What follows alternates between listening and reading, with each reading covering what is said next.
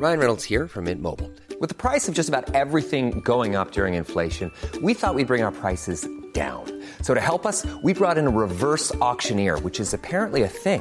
Mint Mobile unlimited premium wireless. Ready to get 30, 30, bit to get 30, bit to get 20, 20, 20, bit to get 20, 20, bit to get 15, 15, 15, 15 just 15 bucks a month. So, Give it a try at mintmobile.com slash switch.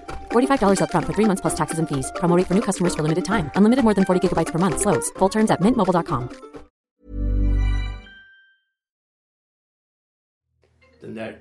Den här bruden som du håller på med. Eller nyss. Prata inte för mycket nu. Det här är en podd. Mm. Ja. Kan vi klippa tillbaka? Ja, jag får klippa i början. Nöden har ingen lag. Välkomna till ett nytt avsnitt av podcasten Cyril och Stig i otakt med samtiden. Dagens gäst är vi själva.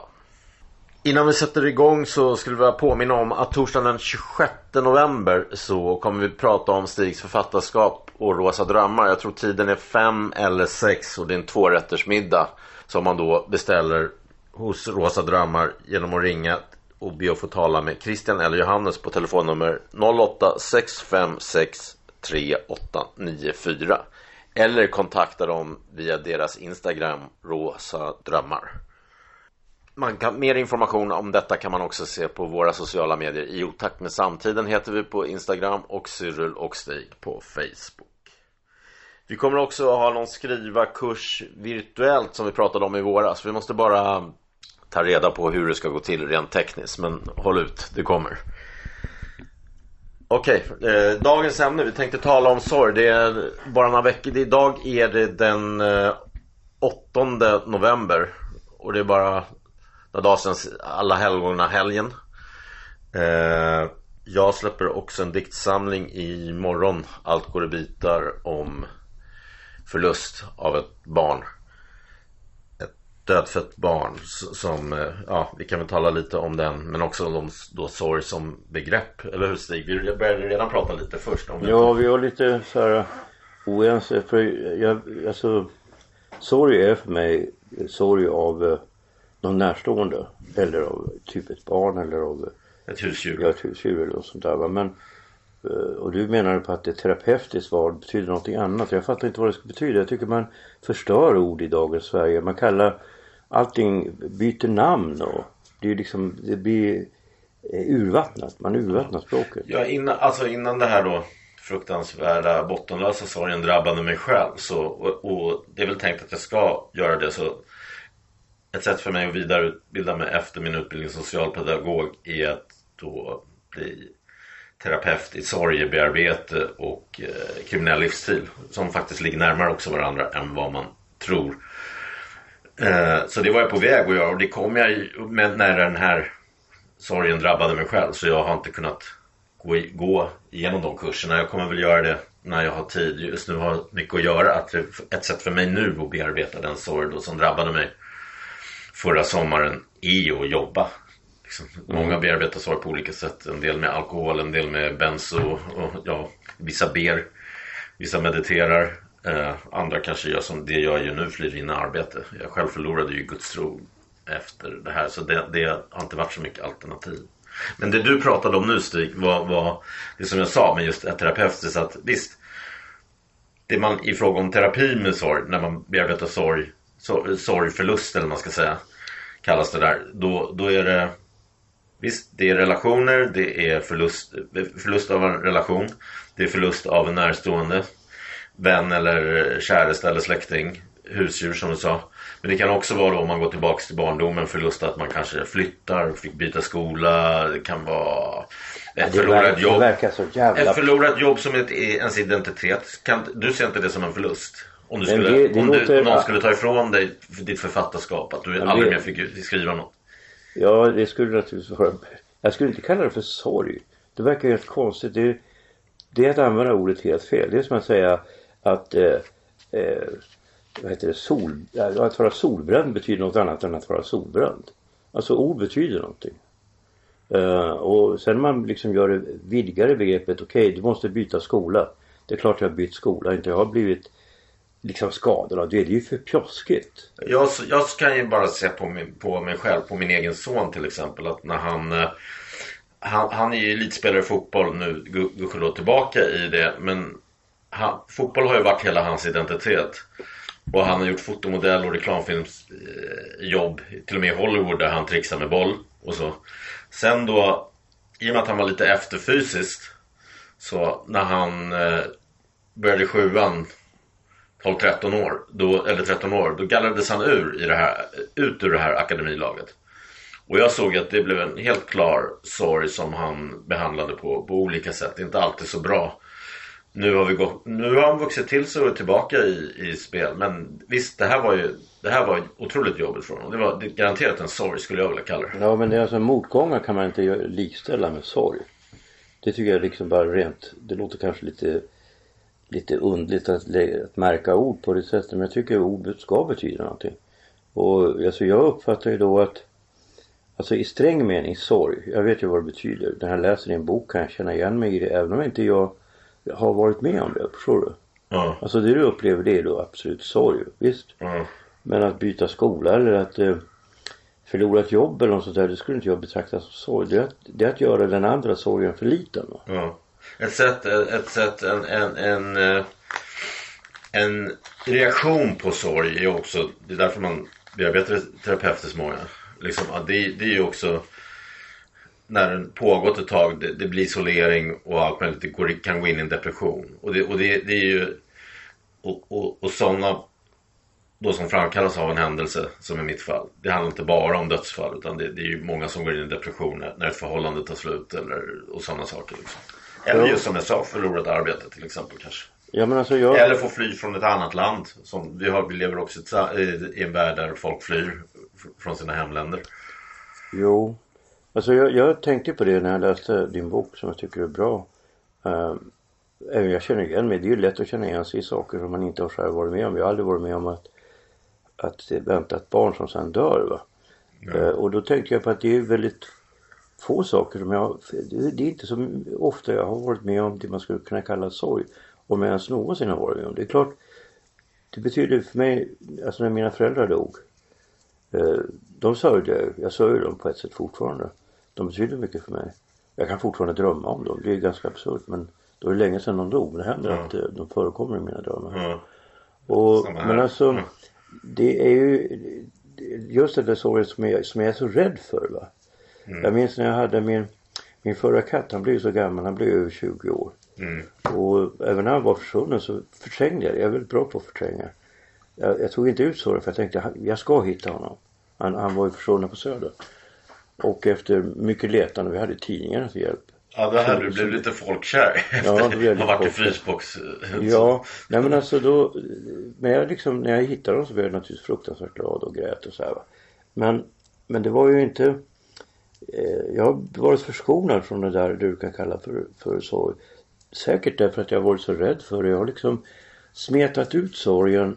Alltså om man tar till exempel mina föräldrar. Jag visste ju eh, inte, man kan inte säga att man vet men jag var ganska säker på att de skulle dö. De var ju gamla och så och sjuka. Båda två. Och det kom inte som en överraskning för mig när de dog. Ja, Först pappa och sen mamma. ja, Och eh, min katt blev ju 20 år sista året så tog jag hand om honom som ett barn. Va? Eh, för att han var så gammal. Va? ja. Så jag fattade att han skulle då dö. Och det var ju också det att jag var tvungen att ställa, mig in, ställa in mig på att han skulle dö. Va? ja.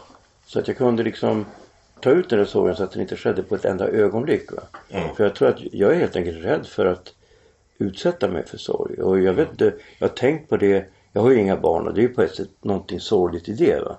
Men å andra sidan så vet jag inte hur jag skulle agera om jag skulle ha haft barn. Därför jag är ju så överbeskyddande mot mina katter. Va?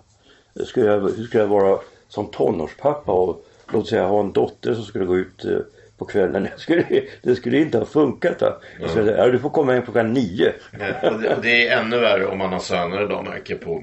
Jag har, haft, jag har Ja. både dotter och son men det, det är ännu värre med våldet. Det här hänsynslösa. Att det, det var ju bara för några månader sedan en, en, pojke i Stockholmsområdet blev skjuten för en jacka på 8000. Jag själv köpte ett par byxor för 5000 till min son i, i födelsedagspresent. Och eh, han blir knivhuggen i ett försök att och, och, och råna honom på. Sen är han tuff så de lyckades inte ta byxorna men ändå. Det är innan då, efter det här med när jag kommit ur, för jag gick igenom en depression närmast att jag blev nästan, eller att jag blev mer eller mindre suicidal, det, det är med i boken. Men när jag kom ut ur det mörkret så då var det på något sätt min styrka nästan att det värsta har redan hänt mig. Men sen kom ju oron då när vi lever i det här samhället för min egen, nej visst jag, min dotter är ju då vuxen och, och skötsam som många döttrar till starka fäder så blev hon då typ socionom men nu har gått över till, så, så, till journalistik liksom, så, och är duktig och ordentlig där. Men liksom en son behöver man just det som jag säger här oroa sig för. Och, eh, så det, är ju jobbigt nästan. Det ju- om man ska skaffa ett nytt barn så, så blir det en o, ytterligare oro. Och man måste vara beredd, jag måste vara beredd på att kunna ta till sorg Ja. och oro. Eh, men vad var det vi talade om här med Du, du sa med, med utsätta sig Ja, alltså jag, jag, jag, jag, en konstig sak med mig. Det är att alla så här tunga känslor, stora känslor, eller upplevelser har ju liksom har, jag har varit ganska gammal när jag upplevt det första gången. Ja. Alltså jag var ju då 24 år när jag blev kär första gången. Ja, Jag var säkert 58 när jag blev deprimerad första gången. ja, Det låter ju väldigt konstigt. Men Ja. jag, liksom, jag har inte den läggningen och, och när jag då verkligen blir det så slår det ännu hårdare. Va? Därför har, när man är ung och blir deprimerad så när man är ung har man så mycket kraft. Det är ungefär som att du har mycket motståndskraft och klarar också infektioner bättre när du är ung. Va? Men på samma sätt är det då det är svårare att hantera eh, känslor när du är ganska gammal. Va? Men jag tror det här med förlust, alltså, alltså nu kommer jag på andra saker som kvinnor som går igenom klimakteriet och förlorar. Det har ju varit mycket skrivet, Åsa Bäckman och de här. Mm. Som, när de förlorar den manliga blicken och sånt. Det, det är en slags sorg tror jag till Ja exempel. kan jag. När du inte kan få barn längre. Så att, att då bara begränsa det så som du till en förlust av en, det, det, det, det köper inte jag heller. Ja fast jag, jag skulle inte använda ordet sorg då för att då, i och med att du använder det på massa olika grejer så, så förstör du ordets betydelse när det liksom är djupare va. Förstår du? Och jag skulle nog, alltså okej visst livet är ju livet och det är ju saker som jag tycker är sorgligt med Alltså i, i mitt fall då att, att åldras, att, att eh, uppleva att du inte kan göra riktigt samma saker som du kunde göra en gång i tiden. Så är det ju för mig också. Alltså det här med tjejer och så. Det är klart att det, det finns något sorgligt i det. Ulf Lundell skriver faktiskt, jag tycker han pikar faktiskt nu på, på ålderns höst. Han, han är ju den första som skriver om hur män förlorar, som Åsa tog upp tror jag, när vi hade Åsa Lindborg här i podden.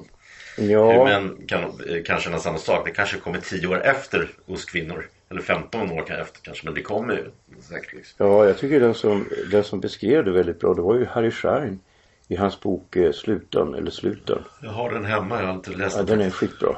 Och den beskriver då hur, hur det är att vara, han var ju då en väldigt framgångsrik person.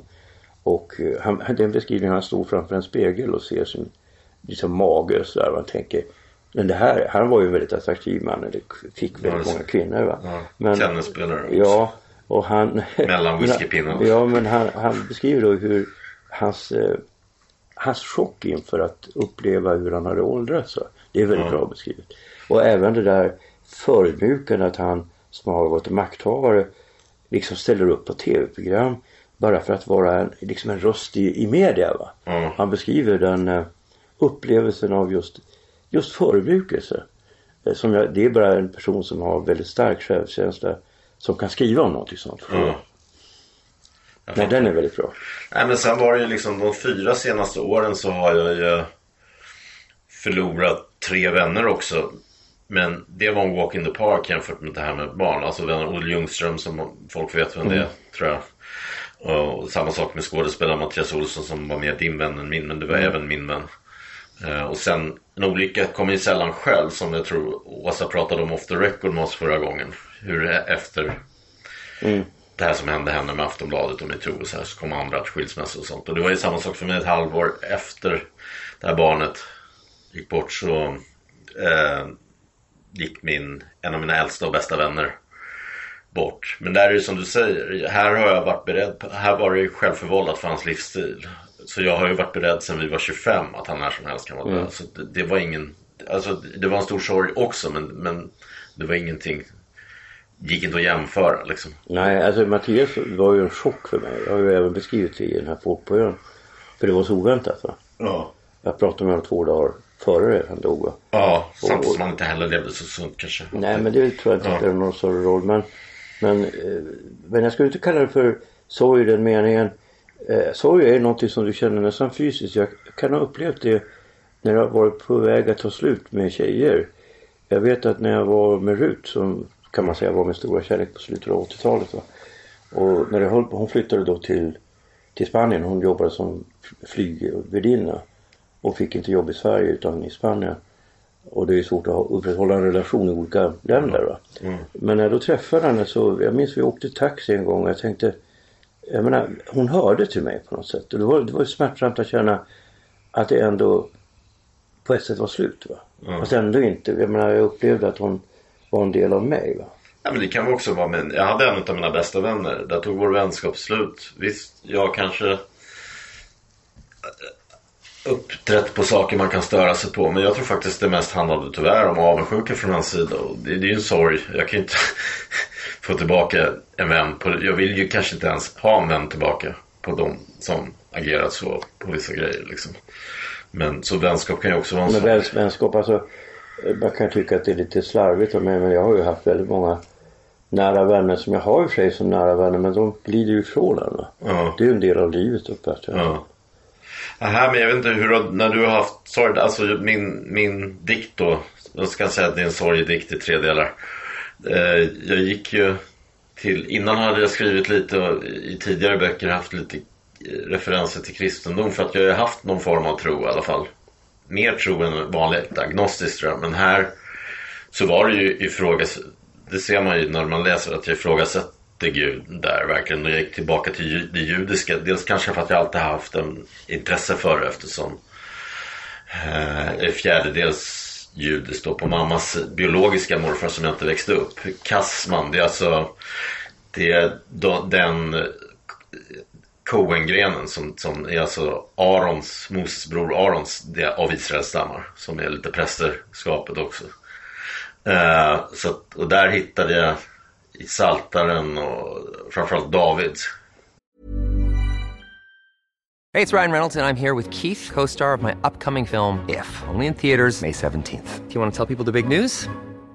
All right, I'll do it. Sign up now and you'll get unlimited for $15 a month in six months of Paramount Plus Essential Plan on us. Mintmobile.com slash switch. Upfront payment of $45 equivalent to $15 per month. Unlimited over 40 gigabytes per month. Face lower speeds. Videos at 480p. Active Mint customers by 531.24 get six months of Paramount Plus Essential Plan. Auto renews after six months. Offer ends May 31st, 2024. Separate Paramount Plus registration required. Terms and conditions apply if rated PG. When you're ready to pop the question, the last thing you want to do is second guess the ring. At Bluenile.com, you can design a one of a kind ring with the ease and convenience of shopping online. Choose your diamond and setting. When you find the one, you'll get it delivered right to your door. Go to Bluenile.com and use promo code LISTEN to get $50 off your purchase of $500 or more. That's code LISTEN at Bluenile.com for $50 off your purchase. Bluenile.com code LISTEN. som var författare, syndare och krigare. Eh, när jag läste de partierna i Bibeln. i Bibeln. För i kristendom, där får du ifrågasätta. Där finns, du kan ju kristendom bättre, betydligt bättre än vad jag kan. Men där finns det ju ifrågasättande också. Men inte på samma sätt som i Gamla Testamentet. Och i Koranen får du överhuvudtaget inte ifrågasätta. Om vi tar till de här abrahamitiska religionerna. Ja, alltså nej, men det finns ju Jag kan inte uttala mig om det men det finns ju alltid ett visst mått av tvivel. Det finns det ju också hos, hos eh, Paulus och så. Eh, Ja, Saul, Saul, varför följer alltså det, det, det där är ju inte...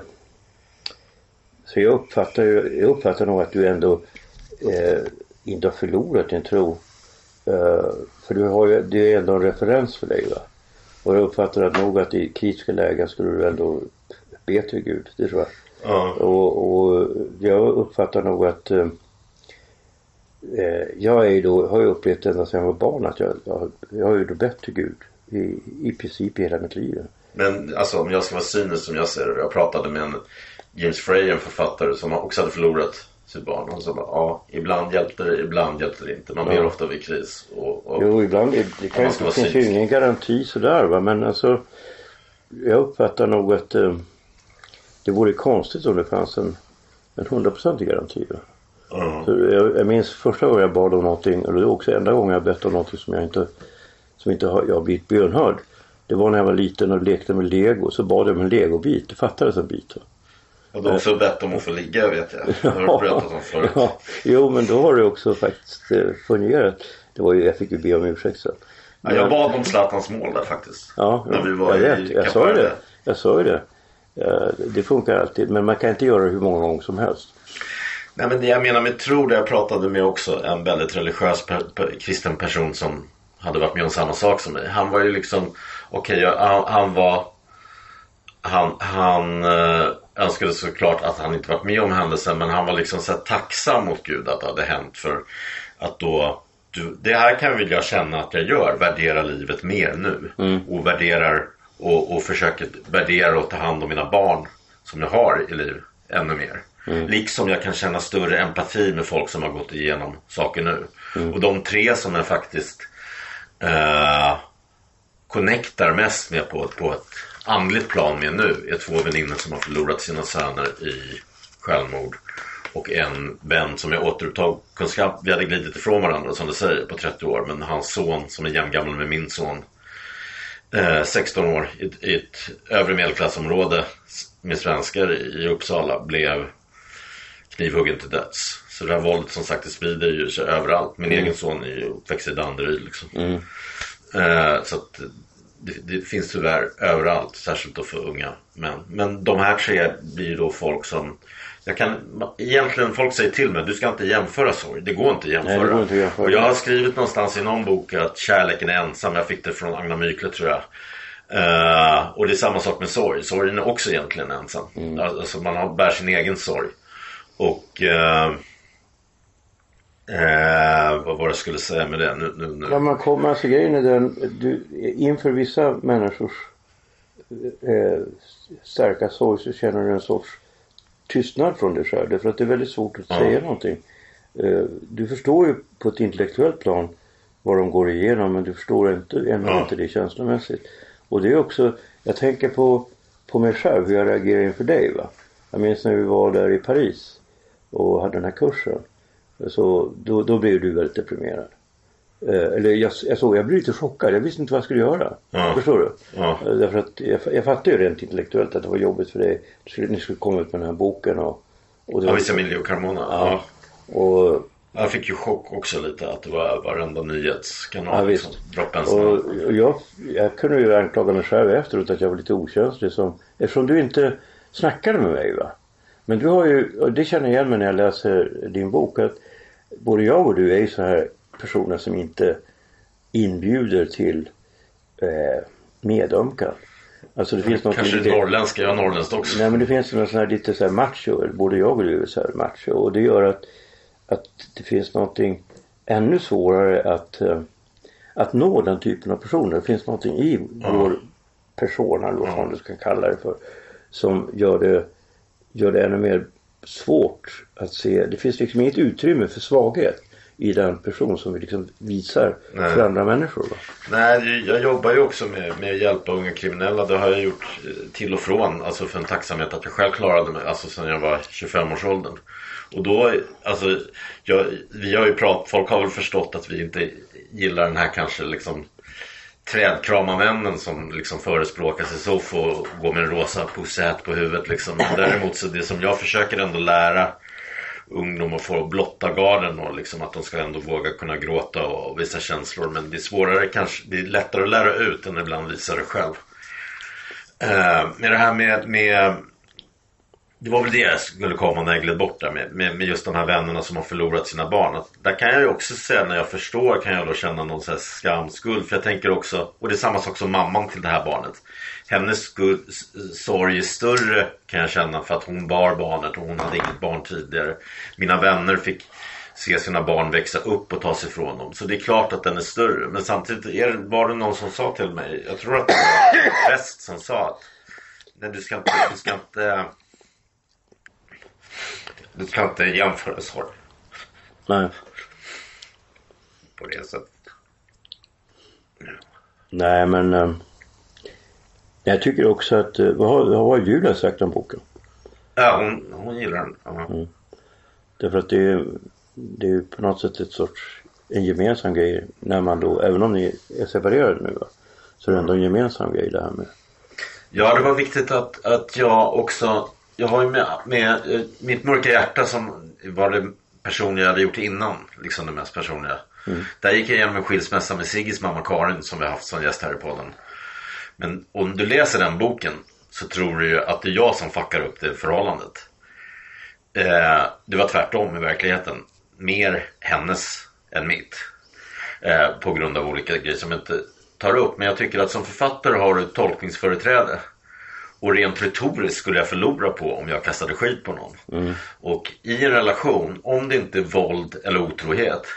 Så är det oftast två personer, båda personerna som är orsak till att det Ja, är. I, mellan, mellan mig och Julia var det, var det 70% mitt fel men 30% var också hennes. Det fanns en konflikt redan innan det här med Om jag tror att både jag och du är så här när det gäller att vara tillsammans med tjejer så är både jag och du överkänsliga och folk skulle betrakta oss som lätt neurotiska i förhållande till det här med om tjejer har, kan ha någon sorts intresse av någon annan. Va? Det betyder ju inte att, att det är någon som är otrogen ens utan bara det att de kanske har varit tillsammans med någon som de träffar eller både jag och du är väldigt så här eh, har, har ett väldigt dömande sätt gentemot de som vi är tillsammans med. Så jag, jag känner igen mig i ditt sätt. Jag förstår det helt och hållet. Ja, Julia som kommer från, från, från Latinamerika.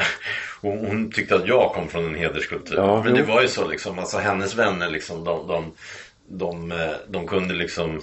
Någon blev upprörd för att hans bästa kompis hade hånglat med hans ex liksom. Eh, ja, det var helt normalt i hennes konstnärsvänner. Eh, med, med, det, det existerar inte bland mina vänner. Inte ens de nya vänner jag får som du. Vi har ju ändå bara känt varandra tio år. Ja.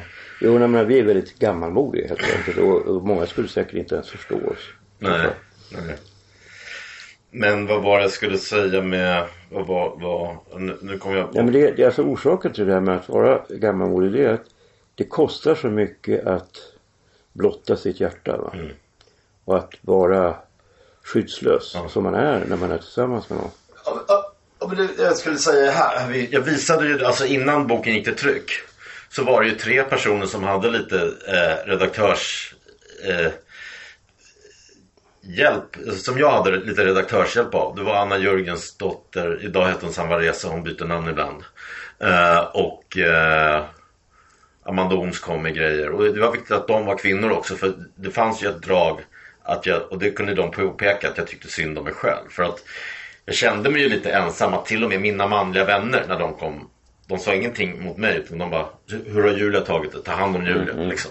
Så att det var ju att min Jag kände, kunde vi känna lite så ingen bryr sig om min sorg. Även när vi gick till liksom diakonissan Liksom typ så, så var det ju bara liksom Hon kunde inte liksom hålla oss ihop på, eller isär. Varken ihop eller isär på något sätt liksom så, men det här var viktigt också att det inte blev något sånt. Att, som Amanda Ohm sa, jag gillar inte när den här lilla pojken som, som står och gråter och tycker synd om sig själv. Det gjorde ju Amanda helt rätt. Liksom. Så det fick jag bort. Man, man kan se det på något ställe men något måste det vara med. För att det var ju så också. Liksom. Från, från läkare till vänner så, så, så, så hamnade jag lite vid sidan. Det här tror jag andra fäder känner igen sig när, när de, när de eh, läser den här. Om någon läser. Att jag gjorde den var ju också framförallt för att läkarna och barnmorskorna sa att den behövdes göra. Precis som Nick Caves senaste skiva har hjälpt mig så hoppas jag den kan hjälpa någon annan.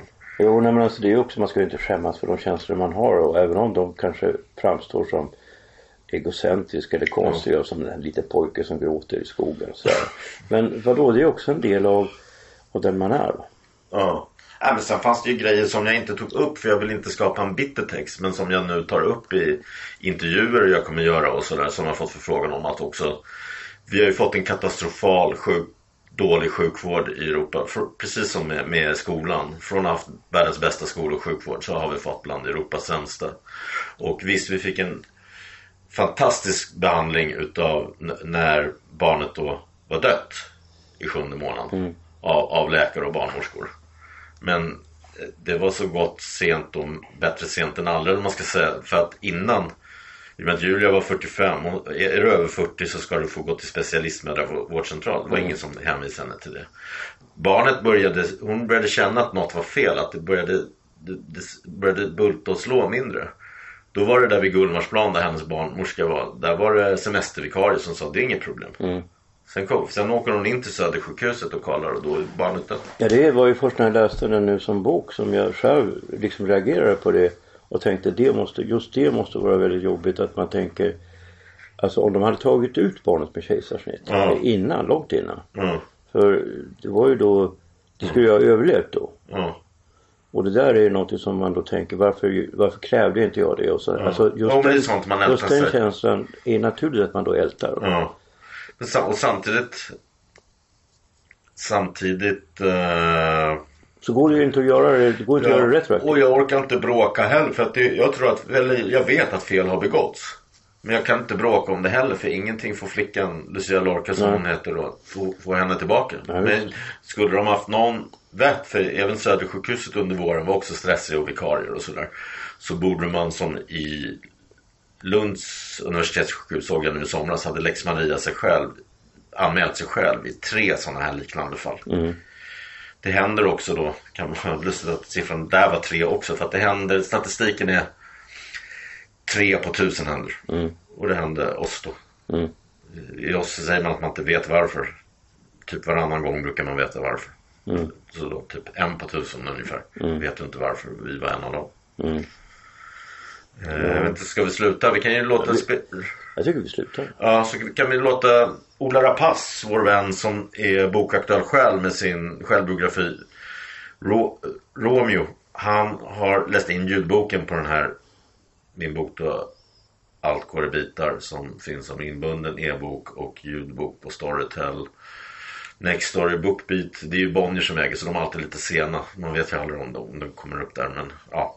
Så här låter han i alla fall. Ni kan höra några minuter när han läser. Här kommer Ola som läser ur Allt går i bitar. Allt går i bitar av Cyril Hellman.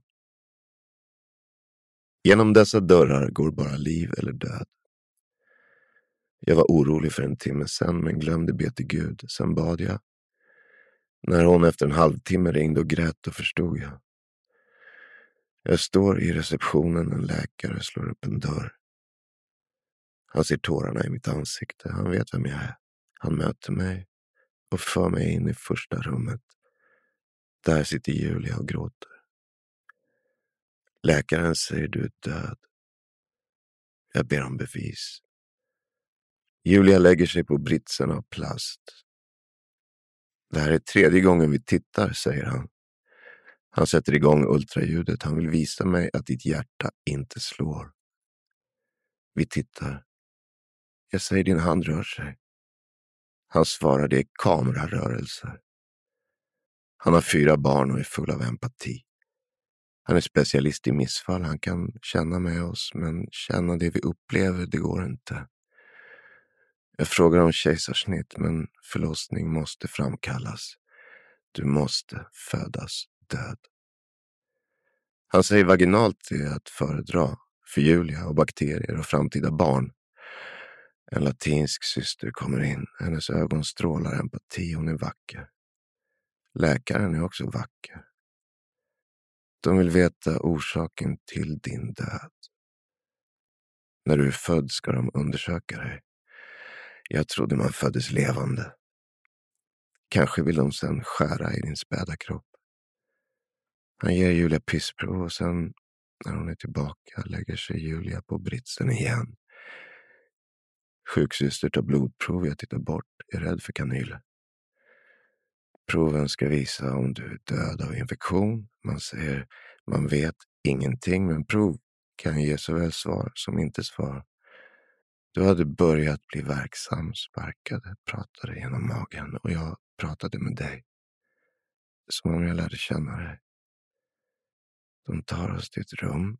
Allt är i blått och harmoniskt grått. Framför en tavla signerad Julias vän står en bukett blommor. Ni har hört ett litet utdrag ur min nya diktsamling Allt går i bitar.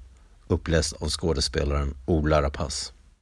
Lyssna gärna på hela boken hos streamingtjänsterna Storytel eller Nextory. Eller införskaffa ett tryckt ex hos bokhandlarna. Lättast hos nätbokhandlarna Bokus och Adlibris. Stötta gärna oss på Swish. Nummer 123 535 4857. Nummer 123 535 4857.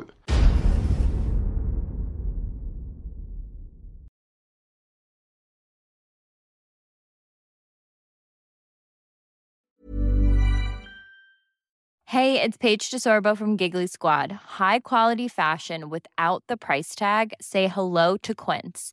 I'm snagging high-end essentials like cozy cashmere sweaters, sleek leather jackets, fine jewelry, and so much more. With Quince being 50 to 80% less than similar brands. And they partner with factories that prioritize safe, ethical, and responsible manufacturing. I love that. Luxury quality within reach. Go to quince.com slash style to get free shipping and 365 day returns on your next order. Quince.com slash style.